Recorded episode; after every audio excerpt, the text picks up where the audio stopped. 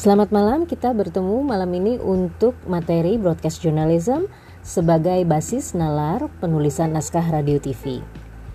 Teman-teman, kalau kita bicara tentang penulisan naskah di media, apakah itu media cetak, media radio, televisi, sampai media online, itu memang tidak pernah bisa terpisah dari perbincangan kita tentang jurnalistik atau journalism. Sebenarnya apa sih jurnalistik itu? What is journalism?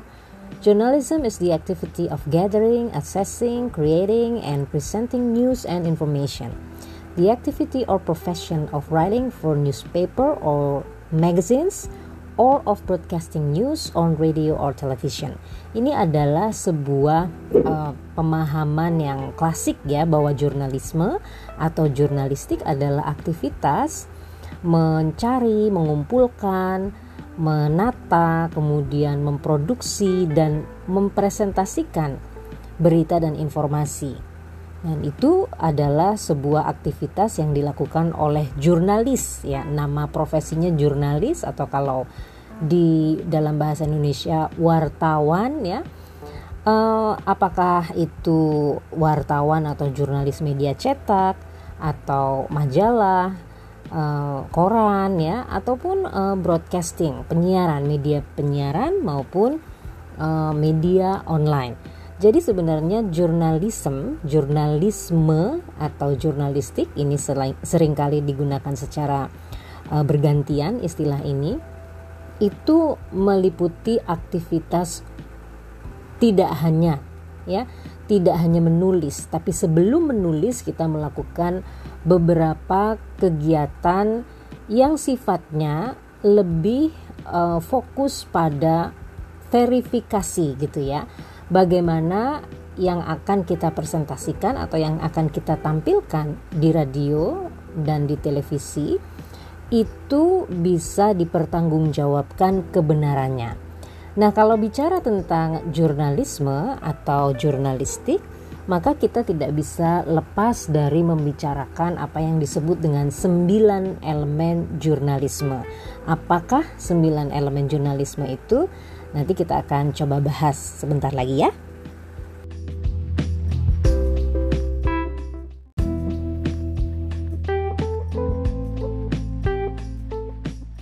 Baik, mari kita bicara tentang 9 elemen jurnalisme. Kita kenalan dulu atau mungkin Anda sudah pernah mendengar sebelumnya ya di mata kuliah dasar-dasar jurnalistik atau uh, mata kuliah yang lain seperti broadcast journalism atau online journalism. Nah, uh, 9 elemen jurnalisme saya segarkan saja ingatan Anda. Saya refresh kembali kalau kita bicara tentang sembilan elemen jurnalisme tentunya ini sangat identik dengan penulisnya yang juga seorang wartawan senior, dua orang wartawan senior, Bill Kovacs dan Tom Rosenstiel. Nah, apa sih sembilan elemen jurnalisme itu? Eh, buku ini ditulis berdasarkan eh, pengalaman yang begitu panjang dalam eh, kerja jurnalistik ya. Jadi kita sebagai orang komunikasi harus tahu tokoh-tokoh jurnalistik, tokoh-tokoh jurnalisme karena apa? Karena eh, prinsip-prinsip jurnalistik itu adalah sesuatu yang sangat e, bisa kita terapkan hampir dalam berbagai e, praktek kegiatan komunikasi yang terkait dengan industri komunikasi. Nah, mari kita lihat apakah sembilan elemen jurnalisme itu. Di PowerPoint yang saya share di Elitak, saya sudah tuliskan ada sembilan, yaitu yang pertama Journalism's first obligation is to tell the truth. Kewajiban pertama jurnalistik adalah berpihak kepada kebenaran dan menyuarakan kebenaran. Kebenaran itu bagaimana mengukurnya? Nah, ini yang akan menjadi sebuah tantangan bagi siapa pun yang kemudian bergelut di bidang ini. Nah, jurnalisme itu prinsipnya pada dasarnya tidak hanya untuk wartawan, tapi semua yang bekerja dalam bisnis atau industri media. Jadi ini penting untuk diketahui di mana pun nanti Anda akan berkarya di bisnis atau di industri media. Nah, pertama ya tadi kita sudah uh, sama-sama tahu bahwa kewajiban jurnalisme itu adalah berpihak pada kebenaran. Yang kedua, loyalitas atau kesetiaan pertamanya adalah kepada warga atau publik. Nah, ini kita ngomong sesuatu yang sifatnya bukan sekedar normatif, tapi ini adalah etik ya, etika bagaimana jika kita terjun ke dalam dunia ini. Yang pertama, kewajiban jurnalisme itu adalah berpihak kepada kebenaran. Yang kedua, setia kepada publik, kepada kepentingan publik. Jadi kalau Anda nonton kemarin ya, uh, Atta Halilintar menikah dengan siapa Aurel ya, dengan Aurel siapa namanya? Itu anaknya Anang Hermansyah ya. Kemudian mulai dari lamaran, malam Mbak Inai sampai dengan resepsi dihadiri oleh presiden dan segala macam itu disiarkan secara langsung. Publik protes keras. Karena apa? Karena tidak sesuai dengan uh, situasi yang sedang dialami publik saat ini gitu. Semacam nggak ada apa namanya? nggak ada uh, solidaritasnya gitu, nggak ada sensitivitasnya. Sekarang ini uh, di negeri kita di seluruh dunia, tapi Indonesia termasuk yang paling uh, apa uh, besar dampaknya gitu ya pandemi COVID-19 ini banyak yang uh, masih harus ber apa berjibaku dengan uh, pencegahan kemudian para tenaga kesehatan masih harus berjuang, kemudian uh, banyak orang yang perekonomiannya terganggu, di sisi lain ada daerah yang terkena bencana, kemudian di Papua masih ada apa clash gitu ya uh, antara warga setempat dengan militer. Indonesia ini kan nggak cuma Jakarta, nggak nggak cuma Jawa. Tapi televisi yang disiarkan secara nasional bisa dengan santainya gitu ya. Bisa dengan uh, apa seolah-olah tidak merasa berdosa gitu menyiarkan sebuah acara yang sebenarnya tidak ada kaitannya dengan kepentingan publik. Siapa sebenarnya yang ingin tahu gitu si Aurel dan Ata ini menikah pakai baju apa kemudian apa namanya berapa harganya dan segala macam itu hanya akan menyakiti hati publik sementara mereka dalam keadaan yang sulit ya tidak semua orang punya uang seperti Atta dan Aurel gitu. Nah, itu adalah sebuah kenyataan bahwa elemen jurnalisme, etika jurnalisme di sini tidak diterapkan dalam industri penyiaran kita. Jadi sekarang kita tahu karena kita belajar tentang ilmu komunikasi, maka hal yang seperti itu, hal yang seperti dilakukan oleh televisi yang menyiarkan bukan urusan publik ya dengan menggunakan frekuensi publik itu sebenarnya menyalahi kaidah uh, jurnalisme dalam hal ini kepentingan atau kesetiaan mereka, kesetiaan kita sebagai orang media kepada kepentingan publik. Ya. Itu melanggar, melanggar prinsip jurnalisme. Yang ketiga, Its essence is discipline of verification. Esensi jurnalisme adalah disiplin verifikasi. Apa maksudnya disiplin verifikasi? Kita harus cek dan recheck apakah ini benar, apakah ini sumber yang bisa dipercaya, apakah ini tidak menyesatkan, apakah ini benar-benar berasal dari sumber yang kredibel. Selalu verifikasi. Faktanya apa? Di e, negara kita saat ini ya beredar hoax yang begitu rupa yang nyaris tidak terbendung ya. Oke lah itu bukan disebarkan oleh radio, mungkin oleh media lain, mungkin oleh media sosial atau media online atau apa pun tapi bukan radio. Tapi faktanya bahwa jurnalisme yang seharusnya diterapkan di semua platform ya, di semua media toh dilanggar oleh orang-orang yang mungkin justru uh, praktisi jurnalistik itu sendiri, praktisi jurnalisme itu sendiri, atau mungkin orang-orang yang tidak paham tentang jurnalisme tapi bekerja di bidang itu. Jadi, esensi jurnalisme adalah disiplin verifikasi, harus cek dan recheck, harus memastikan bahwa informasi yang disebarkan itu adalah benar dan bisa dipertanggungjawabkan. Mengapa ini menjadi penting? Karena nanti ketika Anda menulis naskah, ya, apakah itu untuk radio dan televisi, maka yang paling penting untuk Anda perhatikan adalah verifikasinya.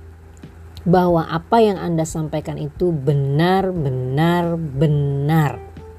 Bukan katanya si ini, katanya si itu, tapi tidak tahu siapa sebenarnya yang mengatakan. Nah, itu adalah sebuah bentuk pelanggaran elemen jurnalisme ketika kita menyampaikan sesuatu yang tidak jelas dasarnya. Verifikasi, verifikasi, verifikasi.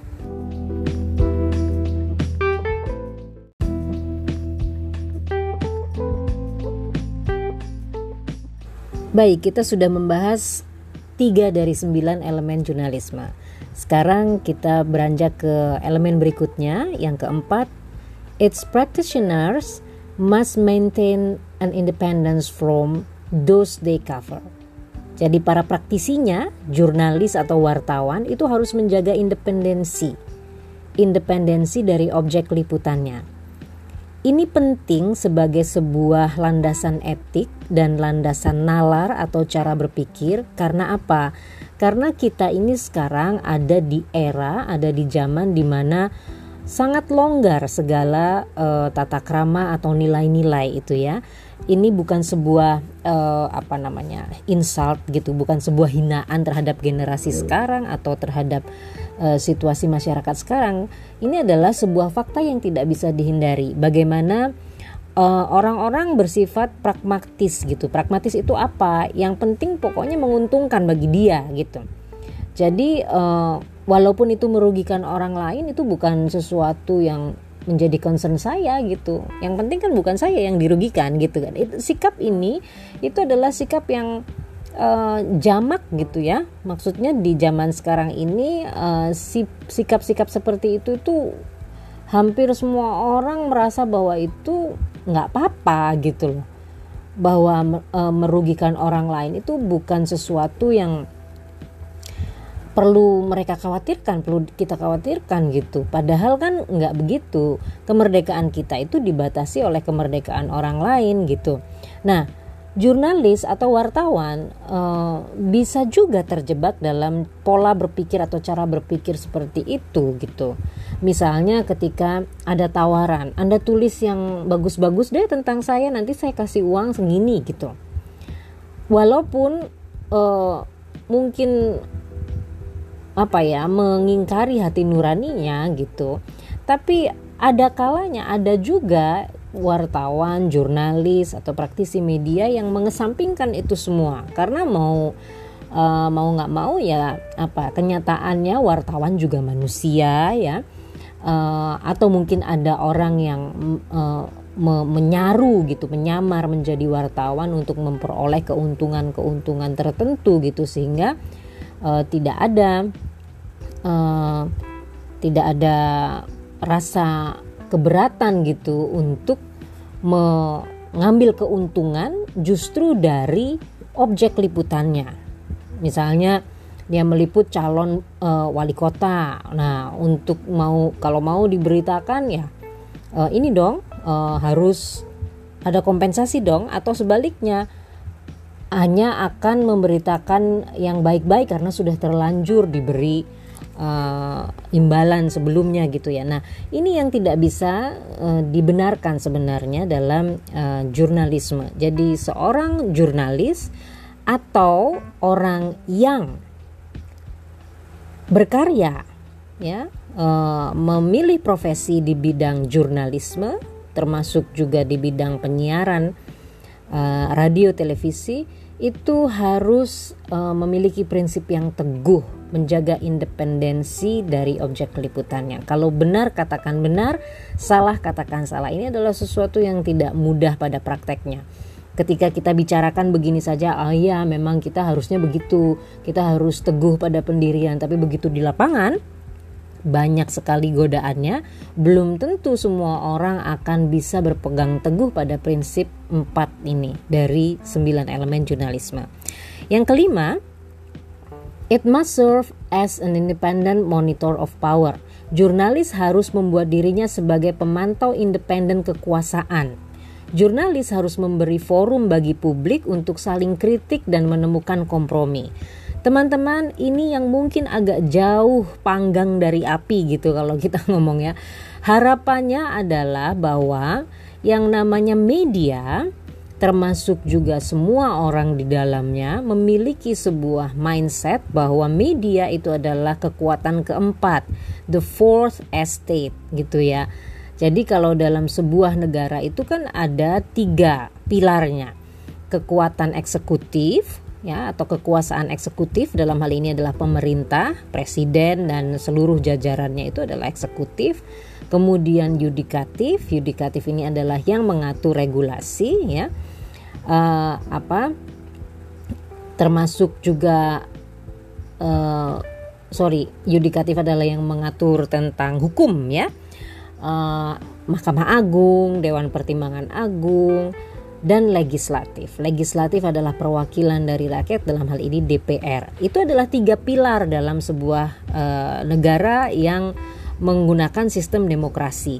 Nah, pers, media, jurnalis itu diharapkan menjadi kekuatan keempat karena seharusnya dalam pilar demokrasi ketiga kekuatan ini seharusnya serving, melayani publik gitu. Jadi baik eksekutif, yudikatif, legislatif seharusnya mereka bekerja untuk melayani publik gitu loh, ya kalau publik itu tidak sejahtera, seharusnya mereka yang pertama kali terganggu, bukan mereka yang mengganggu kesejahteraan publik gitu. Nah, ketika ketiga pilar ini tidak berfungsi, maka media atau pers itu diharapkan sebagai pilar keempat yang meluruskan kembali jalannya tiga pilar ini supaya kembali bersetia kepada publik gitu. Jadi seharusnya media pers, jurnalis itu harus me, uh, apa namanya harus memegang teguh gitu ya bahwa uh, mereka adalah watchdog gitu, anjing penjaga. Kalau pemerintah, legislatif maupun lembaga yudikatif seperti uh, apa uh, pengadilan ya yang berkaitan dengan hukum itu menyalahi hak publik Nah, faktanya bagaimana? Faktanya malah banyak media menjadi corongnya pemerintah, menjadi uh, corongnya um, legislatif. Tidak ada yang salah untuk menyuarakan kebenaran dari pemerintah asalkan itu tidak memanipulasi kepentingan publik gitu ya. Nah, inilah yang yang harus uh, menjadi um, pemahaman kita bersama bahwa sebelum kita sampai kepada keterampilan menulis naskah untuk radio dan televisi, kita harus punya mentalitas ini gitu, ya. Jangan uh, ya yang penting nulis uh, bisa didengarkan dengan enak, nanti bisa bikin podcast, bisa bikin apa, sehingga bisa ngetop, bisa dapat duit. Jangan gitu mentalitasnya, ya. Kita orang-orang komunikasi mentalitasnya harus berorientasi pada yang lebih agung gitu yang lebih mulia gitu ya daripada sekedar Anda berprofesi menjadi uh, seor seseorang yang uh, mengambil keuntungan dari publik melalui siaran ya. Jadi itu uh, yang perlu saya sampaikan um, perlu saya tekankan itu bahwa uh, penulisan naskah radio dan televisi ini harus didasari oleh uh, nalar uh, dari jurnalisme. Yang keenam, it must provide a forum for public criticism and compromise. Jurnalis harus memberi ruang atau forum bagi publik untuk saling mengkritik dan menemukan kompromi gitu. Ya. Ini yang uh, ini untuk nomor 6 ya, yang nomor 5 tadi jurnalis harus membuat dirinya sebagai pemantau independen kekuasaan. Yang nomor enam, jurnalis harus memberi forum bagi publik untuk saling kritik dan menemukan kompromi. Jadi um, jurnalisme maksudnya di sini ya, bukan jurnalisnya. Jurnalistik, jurnalisme harus memberi forum bagi publik untuk saling kritik dan menemukan kompromi. Artinya ketika kita bekerja di radio, di bekerja di televisi, kita harus mendorong juga radio dan televisi tempat kita bekerja ini untuk memberikan ruang yang cukup bagi publik menyuarakan aspirasi mereka. Menemukan konsensus gitu. Jadi media itu bukan hanya sekedar untuk bersenang-senang ya.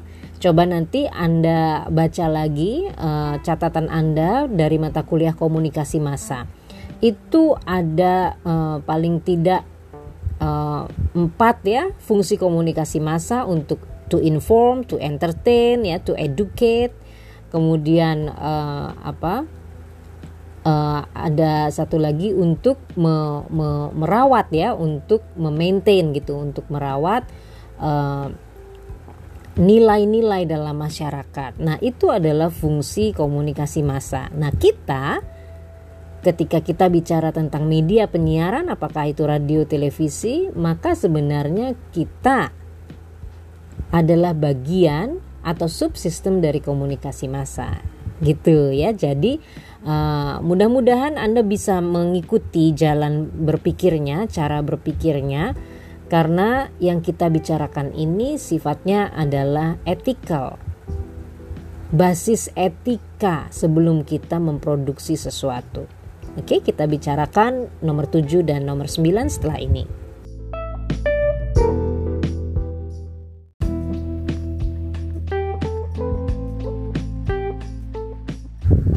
Baik, kita lanjutkan untuk elemen berikutnya dari 9 elemen jurnalisme. Yang ketujuh adalah it must strive to make the significant interesting and relevant. Jurnalis harus berusaha membuat hal penting menjadi menarik dan relevan. Kalau teman-teman um, pernah berdiskusi dengan Pak Doan ya, Pak Doan cukup lama um, menjadi jurnalis di Jawa Pos dan um, sempat menjadi pimret juga. Yang saya pelajari dan ini sekarang saya sampaikan kepada Anda, saya teruskan kepada Anda. Uh, ini adalah yang dikatakan oleh Dahlan Iskan. Yang lebih penting adalah membuat tulisan yang menarik gitu. Kata Pak Dahlan begitu. Akan tetapi kita kalau kita kembali kepada uh, elemen jurnalisme sebenarnya menarik itu adalah nomor berikutnya gitu ya. Hal berikutnya setelah kita memastikan bahwa tulisan kita itu penting. Jadi yang pertama kali harus kita uh, pastikan dulu bahwa ini penting diketahui oleh publik baru kita mengemasnya secara menarik. Apakah Atta dan Aurel itu sebuah isu yang penting bagi publik? Enggak. Menarik mungkin, ya menarik bagi publik, tapi enggak penting. Harusnya itu tidak masuk dalam produk jurnalistik, ya. Itu. Apakah eh, peristiwa demonstrasi STKW gitu ya, STKW di Surabaya di depannya Grahadi kemarin yang meminta agar gubernur membubarkan yayasan STKW itu penting untuk diliput penting. Ya. Anda mesti tahu bagaimana menilai sesuatu itu baik buruk penting nggak penting. STKW itu adalah singkatan dari Sekolah Tinggi Kesenian ya. Um, Wilwatikta satu-satunya sekolah tinggi kesenian di Surabaya. Itu adalah sebuah sekolah yang melahirkan banyak seniman di Surabaya. Nah, Anda mungkin tidak merasa bahwa ini penting karena ini nggak ada hubungannya dengan Anda. Mengapa Anda berpikir begitu? Karena belum terbiasa untuk memikirkan kepentingan publik gitu loh. Tapi begitu kita masuk ke dalam sebuah organisasi media, kita menjadi jurnalis di sana, kita menjadi copywriter, menjadi scriptwriter, maka itu menjadi penting. Karena STKW ini adalah satu-satunya sekolah tinggi kesenian di Surabaya dan dia melahirkan banyak seniman, legasinya banyak. Dia menghasilkan banyak budayawan Lalu ketika sekolah ini tidak di-maintain dengan baik, maka kita bisa bayangkan sebuah kota tanpa budayawan. Sebuah kota tanpa seniman. Nah, itu kan sesuatu yang mengkhawatirkan sebenarnya ya. Nah, itu menjadi penting. Bagaimana sesuatu yang penting ini tampil secara menarik. Gitu loh, ya. Jadi dalam jurnalisme yang paling harus diperhatikan adalah memastikan bahwa apa yang kita produksi, apa yang kita tulis, apa yang kita sampaikan itu penting dulu. Baru kita sampaikan menariknya bagaimana caranya. Gitu ya. Jadi uh, itu adalah prinsip atau elemen jurnalisme yang ketujuh. Yang kedelapan, it must keep the news comprehensive and proportional. Jurnalis harus membuat berita yang komprehensif dan proporsional. Jangan dipenggal-penggal gitu. Jangan cuma sebagian yang ditampilkan harus utuh. Ada istilah dalam jurnalistik yang disebut dengan cover both side. Kedua belah pihak harus diberi ruang untuk tampil. Siapa yang salah, siapa yang benar. Misalnya, uh, berita yang paling hangat misalnya ya dalam kasus hmm, penyelewengan dana bantuan COVID-19 itu siapa yang benar siapa yang salah? Jelas bahwa penyelewengan itu salah gitu ya. Tapi bagaimana itu bisa terjadi? Nah ini yang harus ditampilkan. Pihak yang terduga menyelewengkan pihak yang melaporkan penyelewengan, nah itu juga harus ditampilkan secara proporsional. Atau mungkin ketika pemberitaan tentang kontroversi antara vaksin e, Sinovac dengan vaksin AstraZeneca gitu. Ya. Harus ditampilkan secara proporsional vaksin Zeneca, AstraZeneca ini kelebihannya apa, kemudian Sinovac itu bagaimana cara kerjanya, ada orang kompeten, eh, pihak-pihak kompeten yang menjelaskan, itu proporsional harus ditampilkan. Ya, tidak boleh hanya sebagian-sebagian sebagian-sebagian sehingga menimbulkan opini tertentu kepada salah satu pihak. Ya, jurnalisme, jurnalistik itu bukan untuk menggiring opini Jurnalisme atau jurnalistik itu adalah menyampaikan fakta, menyampaikan kebenarannya seperti apa. Ya. Ini kita bicara tentang prinsipnya dulu. Prinsipnya dulu kita pegang teguh dulu. Soal nanti dalam uh, apa penerapannya atau dalam uh, fenomena aktualnya kok yang terjadi begini kok nggak seperti yang kita bicarakan itu kok begini Itulah yang akan kita lihat betapa banyak yang tidak sesuai dengan etika jurnalisme. Dan siapakah yang harus meluruskannya? Tentunya kita yang sudah tahu sekarang ini, tidak kemudian diam-diam seolah-olah tidak tahu. Yang kesembilan, its practitioners must be allowed to exercise their personal conscience. Ya, jadi jurnalis itu harus diberi izin gitu diperbolehkan untuk mendengarkan hati nurani personalnya. Kasus terakhir di Surabaya yang sangat uh, menggegerkan gitu ya. Menggegerkan karena apa? Karena jurnalis dipukuli sampai babak belur. Oleh siapa? Oleh oknum polisi. Harus disebut oknum gitu ya karena tidak mewakili korps polisi secara keseluruhan. Apa yang uh, terjadi sehingga uh, jurnalis ini dipukuli. Ternyata jurnalis ini sedang melakukan investigasi terhadap salah satu petinggi kejaksaan yang diduga melakukan korupsi. Nah, dalam proses investigasi itu dia mendatangi resepsi pernikahan anak pejabat di uh, Bumi Moro ya, di gedung yang di Bumi Moro itu. Lalu uh, ada yang melaporkan gitu ya, ada yang menyampaikan kepada pihak keamanan atau siapa yang yang uh, bertanggung jawab uh, untuk pelaksanaan resepsi itu, uh, dia ditanya mau apa gitu. Ya saya mau ketemu dengan Pak uh, apa Pak pejabatnya itu. Enggak, ini bukan waktunya, ini sedang uh, acara pernikahan.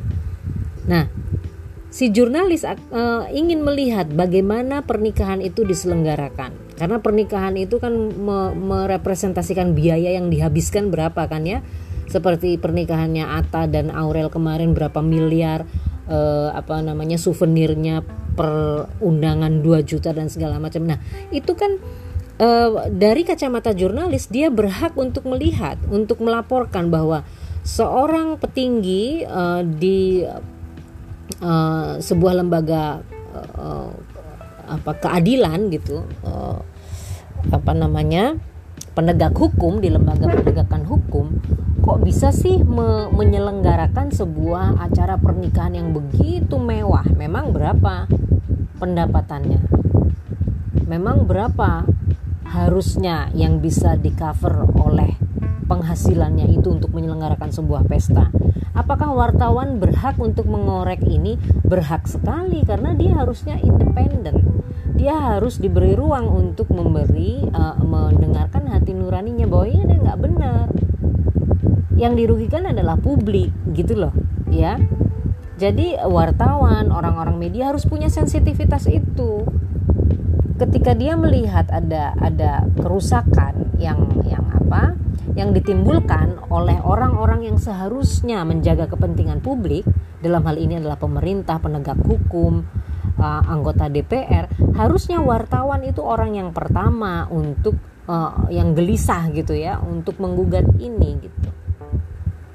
Sebenarnya ya para para apa eksekutif, legislatif, yudikatif itu harusnya adalah yang paling sensitif terhadap kepentingan publik ya. Tapi kenyataannya kita tahu sendiri bagaimana mereka justru mengabaikan kepentingan publik sehingga sekarang seolah-olah orang-orang media itu bekerja sendirian untuk meluruskan society ini gitu. Nah, itu adalah elemen-elemen jurnalistik, elemen-elemen jurnalisme yang harusnya dipegang teguh yang harusnya menjadi basis nalar kita sebagai praktisi komunikasi. Ya, apakah nanti kita akan uh, berkarya di dunia media dan broadcasting itu soal apa masa depan dan soal nasib ya. Tapi ini uh, sembilan elemen ini harus dipegang teguh bahwa yang kita layani adalah adalah publik kepada siapa kita harus setia itu adalah kepada kepentingan publik. Jadi orang-orang komunikasi itu nggak boleh egois, nggak boleh cuma mikirin dirinya sendiri. Pokoknya aku aman, senang, udah beres nggak. Itu bukan mindsetnya orang komunikasi. Itu bukan karakter terbaiknya orang komunikasi.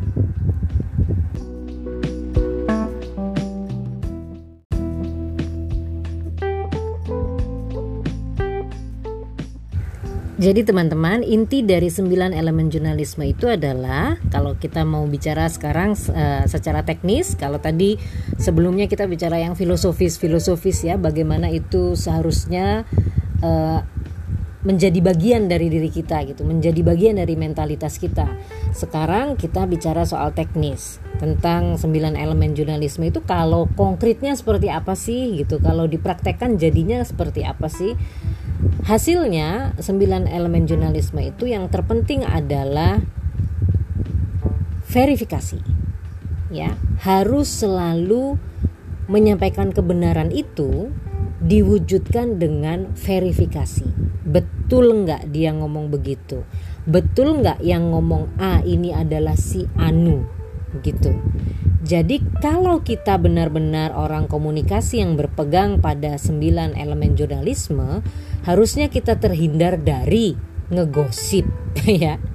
Memfitnah orang. Karena itu nggak nggak nggak nggak masuk tuh. Itu bukan bagian dari uh, prinsip-prinsip uh, dasar jurnalisme. Satu-satunya uh, apa aktivitas yang bisa menjamin bahwa kita melakukan sembilan elemen jurnalisme itu adalah verifikasi. Ya jadi sebelum Anda menulis naskah apa pun naskahnya, mulai naskah berita sampai naskah iklan sekalipun, Anda tetap harus melakukan verifikasi. Verifikasi bahwa apa yang akan Anda sampaikan kepada publik itu benar adanya dan bisa dipertanggungjawabkan. Media itu berpihak kepada publik. Media tidak boleh menyembunyikan informasi yang sebenarnya, bahkan apabila itu terkait dengan iklan ya. Jadi harus tetap disampaikan kebenarannya. Nah, kalau kita bicara tentang broadcast journalism, maka kita akan bicara sangat teknis yang uh, dilakukan dalam proses verifikasi itu tentunya adalah materi-materi yang akan kita sampaikan melalui radio maupun televisi ya. Jadi kalau kita bicara tentang broadcast journalism itu kan media penyiaran ya. Media penyiaran itu radio dan televisi. Kalau kita bicara tentang online journalism, maka kita sudah beda lagi uh, konteksnya. Kita akan bicara tentang new media di mana di dalamnya bisa terjadi konvergensi media. Radio dengan internet, kemudian menjadi radio dengan televisi, dengan internet, jadi audio visual online, maka muncul podcast seperti yang uh, apa banyak uh, sekarang sedang ngetren ya mulai mulai dari Deddy Kobusier sampai uh, apa guru-guru SMA semua punya punya podcastnya masing-masing gitu dengan dengan format seolah-olah mereka adalah interviewer, seolah-olah mereka adalah uh, jurnalis gitu ya, atau mungkin host dari sebuah acara. Itu adalah bentuk dari konvergensi media.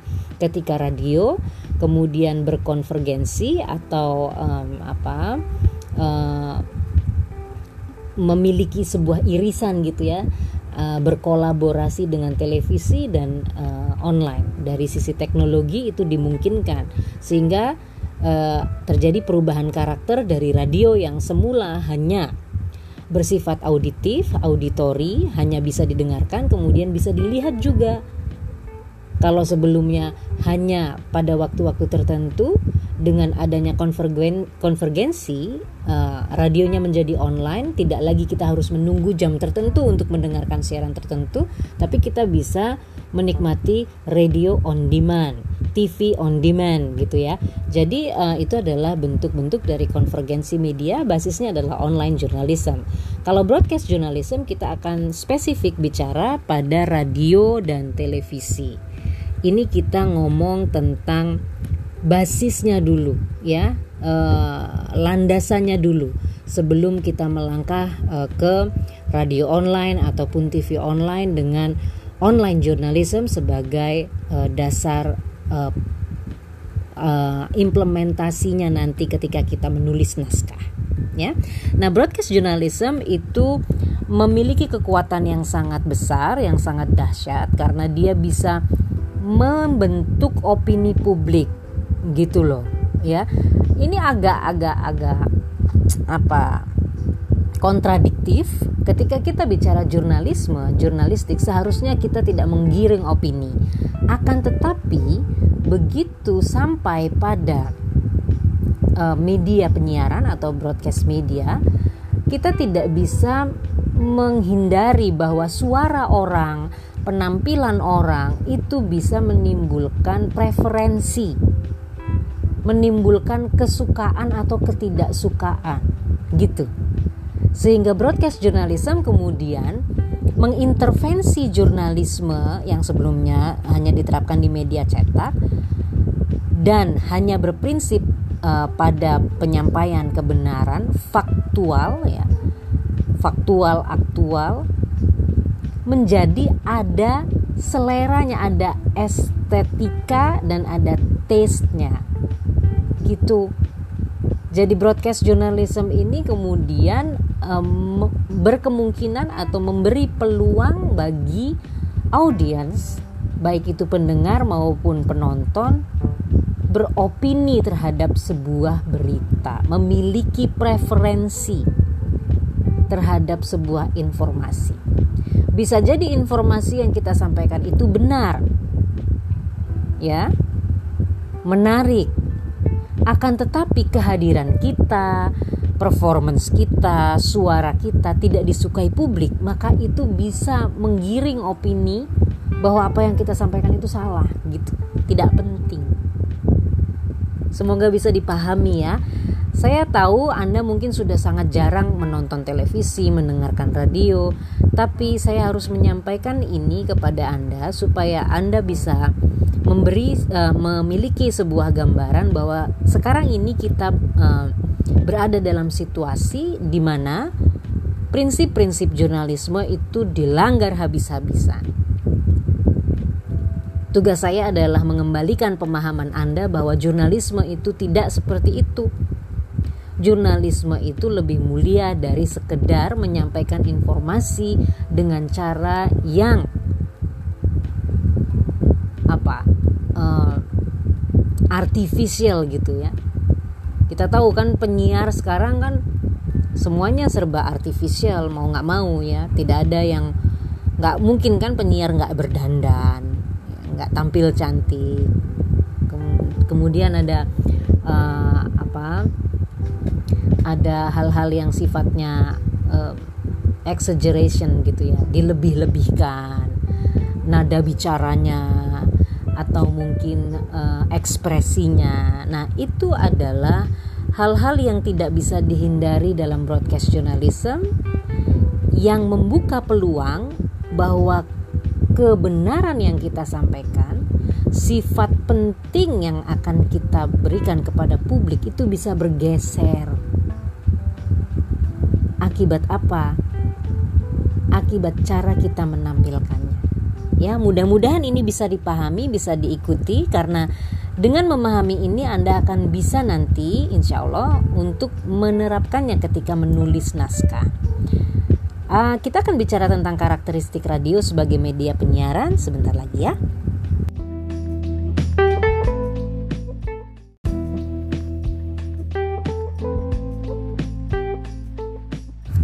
Oke, kita bicara tentang karakteristik radio sebagai media penyiaran. Radio ya, kita tidak bicara radio online dulu, tapi radio terestrial, radio uh, yang disiarkan melalui frekuensi publik, bukan melalui internet. Yang pertama dia adalah menjangkau pendengar secara langsung, secara auditori, secara uh, apa hanya bisa didengar gitu ya. Kalau radio online kan kita bisa uh, melihat juga uh, apa yang sedang dilakukan oleh penyiar kalau bentuknya podcast lewat YouTube atau segala macam tapi judulnya adalah radio online gitu ya. Nah, uh, kalau kita bicara fitrahnya radio gitu ya. Hmm, sifat alaminya radio sebenarnya dia hanya bisa didengar. Dia memiliki kecepatan dalam menyampaikan informasi dibandingkan ya, compare to media cetak Ya, kalau dibandingkan dengan media cetak seperti koran atau majalah, radio memiliki kecepatan uh, yang lebih tinggi dalam hal menyampaikan informasi. Bisa siaran langsung, bisa live dari tempat reporter berada. Radio dan televisi punya uh, mekanisme itu. Kemudian uh, karakteristik berikutnya adalah ini yang dimiliki radio tapi tidak dimiliki oleh media lain atau uh, khas gitu milik radio adalah bisa dinikmati sambil melakukan aktivitas lain. Radio is a second media. Second dalam arti media kedua dan second dalam arti detik. Radio itu sangat selintas.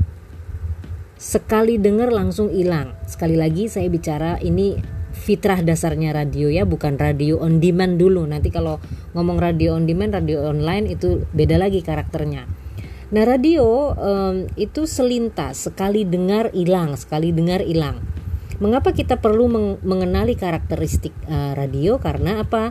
Karena ini nanti uh, konsekuensinya adalah pada ketika kita menulis harus pilih kata-kata yang seperti apa supaya sekali dengar orang langsung nancep sekali dengar orang langsung ingat. Nah, itu mengapa kita penting untuk mengenali karakteristik radio. Radio bisa dinikmati sambil melakukan aktivitas lain karena radio itu disambi-sambi ya. Dengerin radio itu sambil ngerjain ini, ngerjain itu, sambil ngetik, sambil baca. Ya, sehingga kita harus eh, pandai-pandai memilih diksi atau kata yang akan kita gunakan, yang akan kita tulis untuk menyampaikan informasi apa pun e, berita ataupun iklan melalui media radio. Radio sederhana dan murah, semua orang e, sepertinya sekarang gampang banget mengakses radio ya. Kalau dulu harus e, punya pesawat radio, sekarang cukup di handphone nggak pakai koneksi internet pun bisa kita dengar radio. Itu adalah sebuah kelebihan radio sederhana dan murah. Lalu yang uh, berikutnya karakteristiknya adalah menciptakan ruang imaji bagi pendengar. Sekali lagi karena apa? Karena efek suara itu. Suara si A dan suara si B ketika menyampaikan hal yang sama itu bisa menimbulkan efek yang berbeda. kepada publik, kepada audiens. Gitu. Sehingga apa konsekuensinya? Menulis naskah untuk radio harus juga menyesuaikan kepada suara orang yang akan membacanya. Ketika kita menulis naskah radio, kita harus membayangkan ini nanti yang ngomong siapa, yang akan bacakan siapa, suaranya seperti apa, sehingga kata-kata yang kita pilih menjadi sangat cocok dengan suara orang itu. Itu adalah prinsip dalam penulisan radio. Kita nggak boleh nulis tanpa membayangkan siapa yang akan ngomong. Karena radio itu menciptakan ruang imaji bagi pendengar begitu Anda salah menempatkan kata pada suara yang keliru gitu ya. Suaranya berwibawa kata-katanya dibuat minyi-minyi atau sebaliknya. Suaranya minyi-minyi kata-katanya menjadi tinggi atau kata-katanya dirancang tidak sesuai dengan suaranya gitu ya.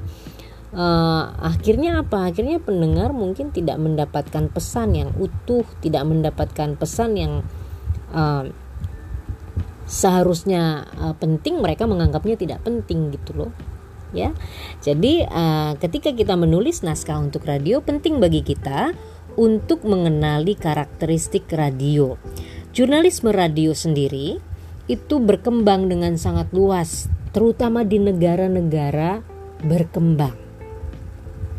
Indonesia juga sebenarnya hanya saja uh, kita uh, tidak terlalu memperhatikan ya jurnalisme radio itu luar biasa. Kalau anda uh, nanti um, sempat untuk menengok radio komunitas di Indonesia. Mereka menerapkan jurnalisme radio. Uh, citizen journalism. Kemudian bagaimana kalau di Surabaya ini contohnya suara Surabaya bagaimana mereka bisa melibatkan pendengar begitu rupa sehingga menciptakan sendiri uh, agenda settingnya kemudian berpartisipasi dalam proses penyusunan berita atau uh, apa memberikan kontribusi pada isu-isu tertentu. Nah, jurnalisme radio uh, itu sangat uh, berkembang di negara-negara maju dan juga negara-negara berkembang atau development country seperti kita. Karena apa? Karena radio sangat mudah menjangkau orang-orang yang tidak ter perhatikan gitu loh ya. Kalau anda uh, sempat nanti berkunjung kalau mungkin pandeminya sudah lewat ini silakan uh, coba jalan-jalan ke Wonorejo atau ke Kenjeran atau ke mana pun. Nelayan itu menggunakan radio sebagai sumber informasinya. Jadi radio itu sangat penting bahkan sampai menjaga kedaulatan. Berapa banyak orang Indonesia yang kemudian memilih menyeberang ke Malaysia menjadi warga negara Malaysia di daerah perbatasan antara Kuching dan Sarawak ya, antara Kalimantan dengan Malaysia. Mereka memilih untuk pindah ke Malaysia karena siaran radio di Malaysia di situ itu membuat mereka merasa cinta gitu loh. Sementara Indonesia tidak memberikan radio di perbatasan. Mereka bikin kegiatan-kegiatan kesenian diakomodir oleh Radio Malaysia, diakui sebagai kesenian Malaysia. Jadilah diklaim itu sebagai budaya Malaysia. Kita tidak pernah berpikir sejauh itu. Kita hanya, "Oh, Malaysia itu begini begitu." Kita hanya marah tapi tidak melakukan apa-apa untuk menjaga tradisi kita, menjaga budaya kita, menjaga milik kita. Gitu. Jadi, jurnalisme radio itu um, sangat terkait dengan apa uh, penyebar luasan informasi yang uh, sangat strategis ya. Tetap uh, kepentingannya adalah kepentingan publik. Kemudian uh, prinsip yang harus disampaikan adalah kebenaran apa pun yang terjadi yang harus disampaikan adalah kebenaran dengan cara yang menarik dan itu disampaikan melalui media dengar melalui suara gitu itu adalah jurnalisme radio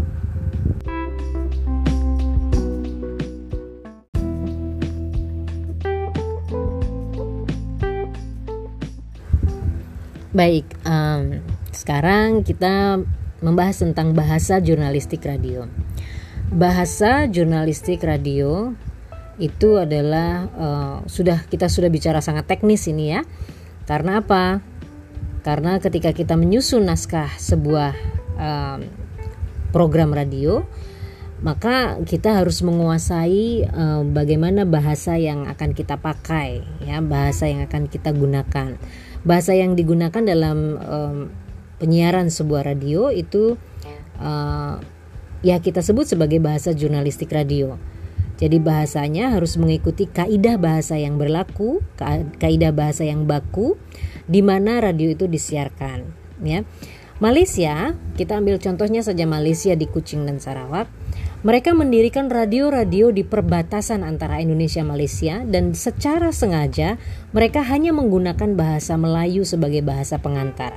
Hasilnya apa? Hasilnya warga negara Indonesia lebih menguasai bahasa Melayu daripada bahasa Indonesia. Mereka sangat menguasai atau mereka sangat menyadari bagaimana bahasa itu bisa menjadi alat kekuasaan. Gitu. Mereka bisa meregulasi mengatur orang melalui bahasa. Gitu. Jadi bahasa yang familiar bagi masyarakat itu akan lebih mudah uh, digunakan untuk mempengaruhi misalnya ketika kita melakukan ya pemerintah melakukan penyuluhan ya tentang gimana sih caranya supaya nggak ketularan COVID-19 jaga 3M ya harus mencuci tangan harus memakai masker, harus menjaga jarak. Nah, ini disampaikan di desa yang mayoritas uh, warganya hanya menguasai bahasa Madura misalnya, ya. Dan mereka memiliki keterbatasan dalam bahasa Indonesia, mereka pasti menolak. Banyak yang menolak. Saya kebetulan uh, uh, beberapa waktu lalu diminta oleh pemerintah Gresik untuk me, me, apa mereview gitu mengapa ya kok orang-orang ini nggak mau patuh karena bahasa yang digunakan adalah bahasa yang tidak dikenal oleh warga di Gresik Gresik itu um, apa namanya di setiap kecamatan itu punya logat yang berbeda belum lagi sampai Bawean sana. Itu bahasanya sudah beda lagi. Ketika pemerintah me memberikan uh, sebuah mensosialisasikan ya menyosialisasikan bagaimana protokol kesehatan dan kemudian mereka nggak nurut karena yang menurut mereka yang lebih penting adalah apa yang dikatakan kiai gitu misalnya terus kiai bilang nggak apa-apa nggak pakai masker yang penting kita berdoa gitu dalam bahasa Madura gitu misalnya ya atau dalam bahasa setempat ya kiai yang lebih didengar gitu loh ya jadi bahasa jurnalistik radio itu harus benar-benar dekat dengan audiensnya siapa. Yang uh, merupakan pengalaman um, pribadi saya adalah ketika saya bekerja di Hard Rock FM. Ketika saya menggunakan, uh, ketika bukan saya ya, maksudnya penyiar penyiar uh, saya waktu itu, uh, karena ini radio dari Jakarta, Hard Rock FM itu adalah radio uh, sindikasi dari Jakarta penyiar-penyiar ini cenderung pengen ngomong lu gue lu gue gitu loh. Hasilnya apa? Hasilnya nggak ada yang suka. Begitu kita ngomong hanya kamu saya kamu menjadi lebih dekat dengan pendengar gitu. Itu adalah bahasa yang digunakan radio. Nah bahasa radio itu harus tepat. Tidak boleh ambigu. Tidak boleh menimbulkan um, penafsiran yang berbeda. Pengucapannya harus jelas harus um, tepat pronunciationnya a ya a u ya u i ya i gitu ya. Jangan uh, apa misalnya seperti penyanyi ngomongnya uh, seolah-olah kumur-kumur gitu nggak nggak boleh begitu. Karena kita harus menghargai orang yang mendengarkan dong. Orang yang mendengarkan jangan sampai merasa harus mengeluarkan energi ekstra hanya untuk mendengarkan kita ngomong ya. Jadi kita ngomong harus jelas uh, harus uh, lugas gitu apa yang kita maksud. Nah, di situlah sebenarnya peran scriptwriter penulis naskah menjadi sangat penting karena tidak selalu seorang penyiar itu bisa melakukan spontanitas dan ad-libbing. Nah, pengucapan dan pemakaian kata-kata dalam bahasa radio itu harus komunikatif, kemudian mudah dimengerti atau memiliki proximity dan uh, sesuai dengan apa yang dibicarakan jangan lari-lari gitu jangan me, uh, membahas A kemudian lari ke C D E dan segala macam itu bisa membingungkan pendengar. Yang jelas uh, bahasa radio itu memiliki beberapa karakter. Paling tidak ada lima karakter. Yang pertama adalah publisitas. Artinya apa? Berorientasi pada pemahaman publik. Jadi publik itu pemahamannya sejauh apa? Yaitu yang akan kita gunakan bahasanya. Maksudnya gimana?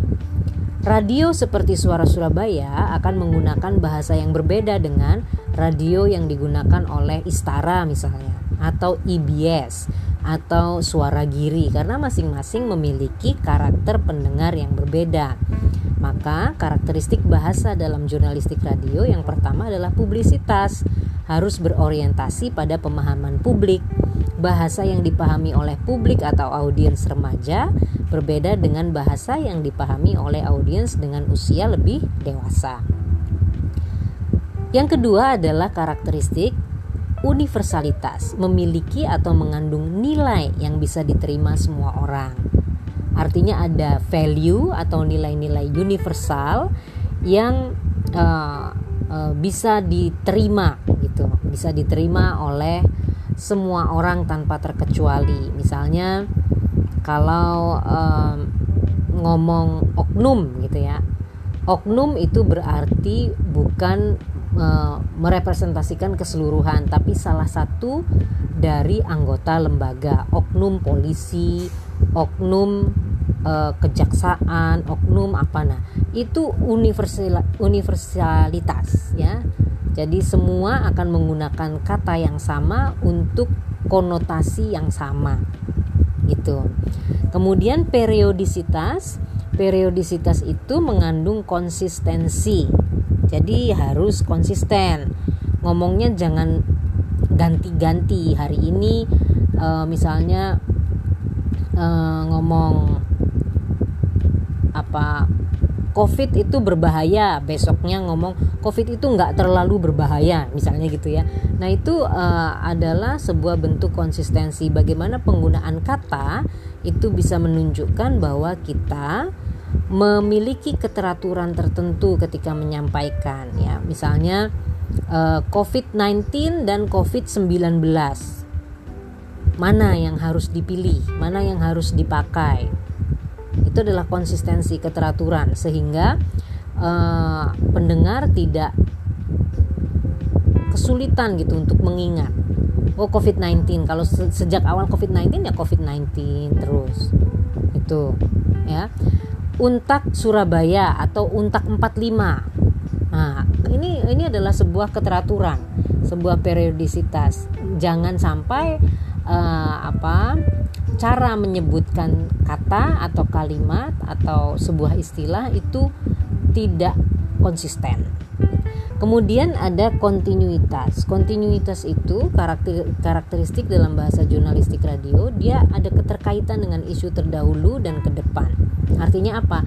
Kata-kata yang kita pilih ketika kita menulis naskah nanti itu harus bisa membawa pendengar menghubungkan sesuatu dengan pengalaman mereka terdahulu. Misalnya, oh kita harus cuci tangan pakai sabun dan air mengalir. Itu ya. Kemudian uh, apa namanya? Isu yang sebelumnya adalah bahwa kita menjaga kebersihan. Kebersihan itu sebagian dari iman. Di masa corona ini, di masa pandemi ini, kebersihan itu kita mulai dari mencuci tangan gitu misalnya. Ada keterkaitan antara isu yang kita bawakan hari ini dengan isu yang kita bawakan uh, sebelumnya sehingga pendengar bisa menghubungkan. Yang terakhir adalah aktualitas yaitu memiliki nilai kebaruan.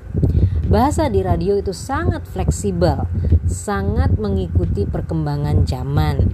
Jadi kalau ada bahasa-bahasa baru maka kalau di radio itu mudah sekali untuk diaplikasikan. Bahasa-bahasa gaul itu di radio menjadi sangat um, acceptable daripada kalau kita menggunakannya di media lain seperti televisi.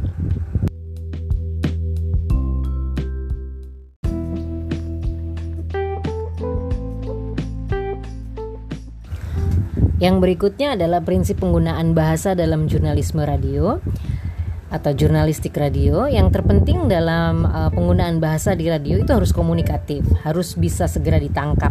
Ya, seperti kita ngobrol, itu komunikatif. Kemudian harus spesifik, harus membicarakan tentang sebuah atau suatu topik tertentu. Jangan semua hal dibicarakan, itu akan mengacaukan uh, uh, apa kemampuan pendengar untuk mencerna. Kemudian hemat kata. Hemat kata itu artinya jangan ngomong bertele-tele, ngomong satu hal saja pakai uh, berapa kata misalnya dulu memang musim sih zaman zaman zaman radio menjadi primadona misalnya kita ngomong uh, sekarang sudah jam 4 sore gitu ya. Itu penyiar tuh bisa ngomongnya tuh waktu telah menunjukkan pukul 4.00 atau waktu telah bergeser ke pukul 4 atau yang sebenarnya bisa ngomong sekarang jam 4 sore gitu ya itu bisa bisa panjang sekali ngomongnya jadi uh, kalau di radio prinsipnya sebenarnya adalah hemat kata sebisa mungkin kita mengucapkan kata itu tidak terlalu bertele-tele karena itu memusingkan pendengar dan tidak mubazir. Kata-kata yang tidak perlu nggak usah diucapkan. Misalnya banyak sekali ya, ini termasuk juga uh, penyiar-penyiar baru, uh, ada juga orang-orang ya misalnya kita sebagai uh, penyiar mahasiswa, mahasiswa yang penyiar, misalnya dan gitu ya. Sekarang kita akan nggak ada artinya gitu dan dan di awal kalimat itu. Dan oke okay, teman-teman apa atau jadi kita akan asik asik-asik aja pastinya. Tentu saja tentunya gitu ya apa kata-kata yang seharusnya tidak tidak uh, perlu diucapkan itu harusnya ya sudah nggak usah diucapkan nah itulah tugas penulis ya kita sebagai penulis naskah untuk menentukan kata apa yang seharusnya diucapkan oleh penyiar. Kata yang seperti apa? Kalau dia kehabisan bahan bicara, ngomong apa? Nah, itu adalah tugasnya penulis naskah untuk memikirkan. Walaupun penyiar mungkin nanti juga akan uh, memiliki spontanitas atau verbal uh, apa uh, ad libbing gitu ya ngomong tanpa naskah tapi yang pertama kali harus kita pikirkan sebagai penulis naskah adalah bagaimana tidak memasukkan kata-kata yang tidak perlu atau mubazir ke dalam naskah kita begitu ya. Nah, uh, selanjutnya mari kita berlatih bagaimana sih cara membuat naskah di radio. Yang paling pertama kita harus memperbanyak kosakata. Bagaimana cara memperbanyak kosakata? Nah, kita akan berlatih untuk menulis sinonim-sinonim.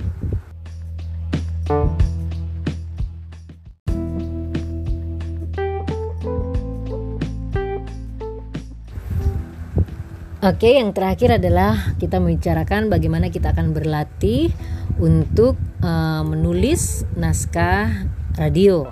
Jadi latihan menggunakan bahasa jurnalistik radio. Uh, sebelumnya Anda sudah menulis ya di tugas yang pertama Anda sudah membuat sebuah naskah. Terima kasih. Nah, sekarang Anda buka kembali tugas Anda itu. Lalu silakan Anda membuat tabel sinonim. Maksudnya tabel sinonim itu bagaimana Bu? Gitu ya. Anda buat tabel dulu Anda beri nomor satu gitu ya. Nomor tabelnya nomor Kemudian katanya apa uh, Kolom berikutnya adalah sinonimnya apa. Misalnya begini. Mayang Nur Latifah menulis, terhitung sejak bulan November 2020, saya mulai menggandrungi salah satu sinetron primetime unggulan RCTI Ikatan Cinta. Nah, ini Anda uh, membuat sinonimnya. Kata yang mana saja Bu? Semua kata yang ada sinonimnya. Terhitung, misalnya, sinonimnya apa? Tertanggal. Sejak sinonimnya apa dimulai dari ya bulan November ini mungkin nggak ada sinonimnya ya 2020 nggak ada sinonimnya saya aku mulai mengawali gitu misalnya. Jadi anda cari sinonim dari setiap kata yang ada di naskah yang anda tulis ya. Anda uh, tulis lebih dari satu nggak apa-apa. Misalnya Sinetron dengan genre drama romantis keluarga ini disebut sebagai disebut-sebut sebagai drakornya Indonesia. Berkat jalan cerita yang berbeda dari sinetron Indonesia pada umumnya, alurnya terkesan natula, natural, matang, tidak semrawut, pengambilan gambar yang bagus. Nah, bagus ini sinonimnya misalnya apa? Indah. Kemudian api ya gitu misalnya ya atau apa e, sinonimnya bisa anda tuliskan lebih dari satu kata intinya anda mencari sebanyak-banyaknya sinonim berdasarkan naskah yang anda tulis pada tugas pertama gitu ya kalau mungkin tidak ada sinonimnya ya anda tulis min gitu misalnya nama orang nggak ada sinonimnya kan ya itu nggak perlu ditulis yang perlu ditulis adalah uh, yang memang uh, memiliki uh, padanan kata. Oke, okay. menolak apa padanan katanya? Menolak misalnya uh, me, tidak terima, tidak menerima gitu misalnya ya. Silakan Anda cari sebanyak mungkin sinonim untuk kata-kata uh, yang Anda tulis pada naskah Anda di tugas sebelumnya begitu. Lalu setelah Anda menemukan padanan katanya, silakan tulis ulang naskah Anda dengan kata-kata yang uh, dari sinonim-sinonim tersebut. Jadi rephrase atau paraphrase, rewrite atau paraphrase menulis ulang naskah Anda dengan gaya yang berbeda dengan menggunakan sinonim-sinonim atau padanan kata yang sudah Anda temukan dalam tabel tadi. Oke, itu latihan kita untuk menggunakan bahasa jurnalistik radio. Kita memperkaya dulu kosakata kita. Cukup sekian untuk malam hari ini. Terima kasih atas perhatian Anda. Kita akan ketemu minggu depan untuk mata kuliah yang sama.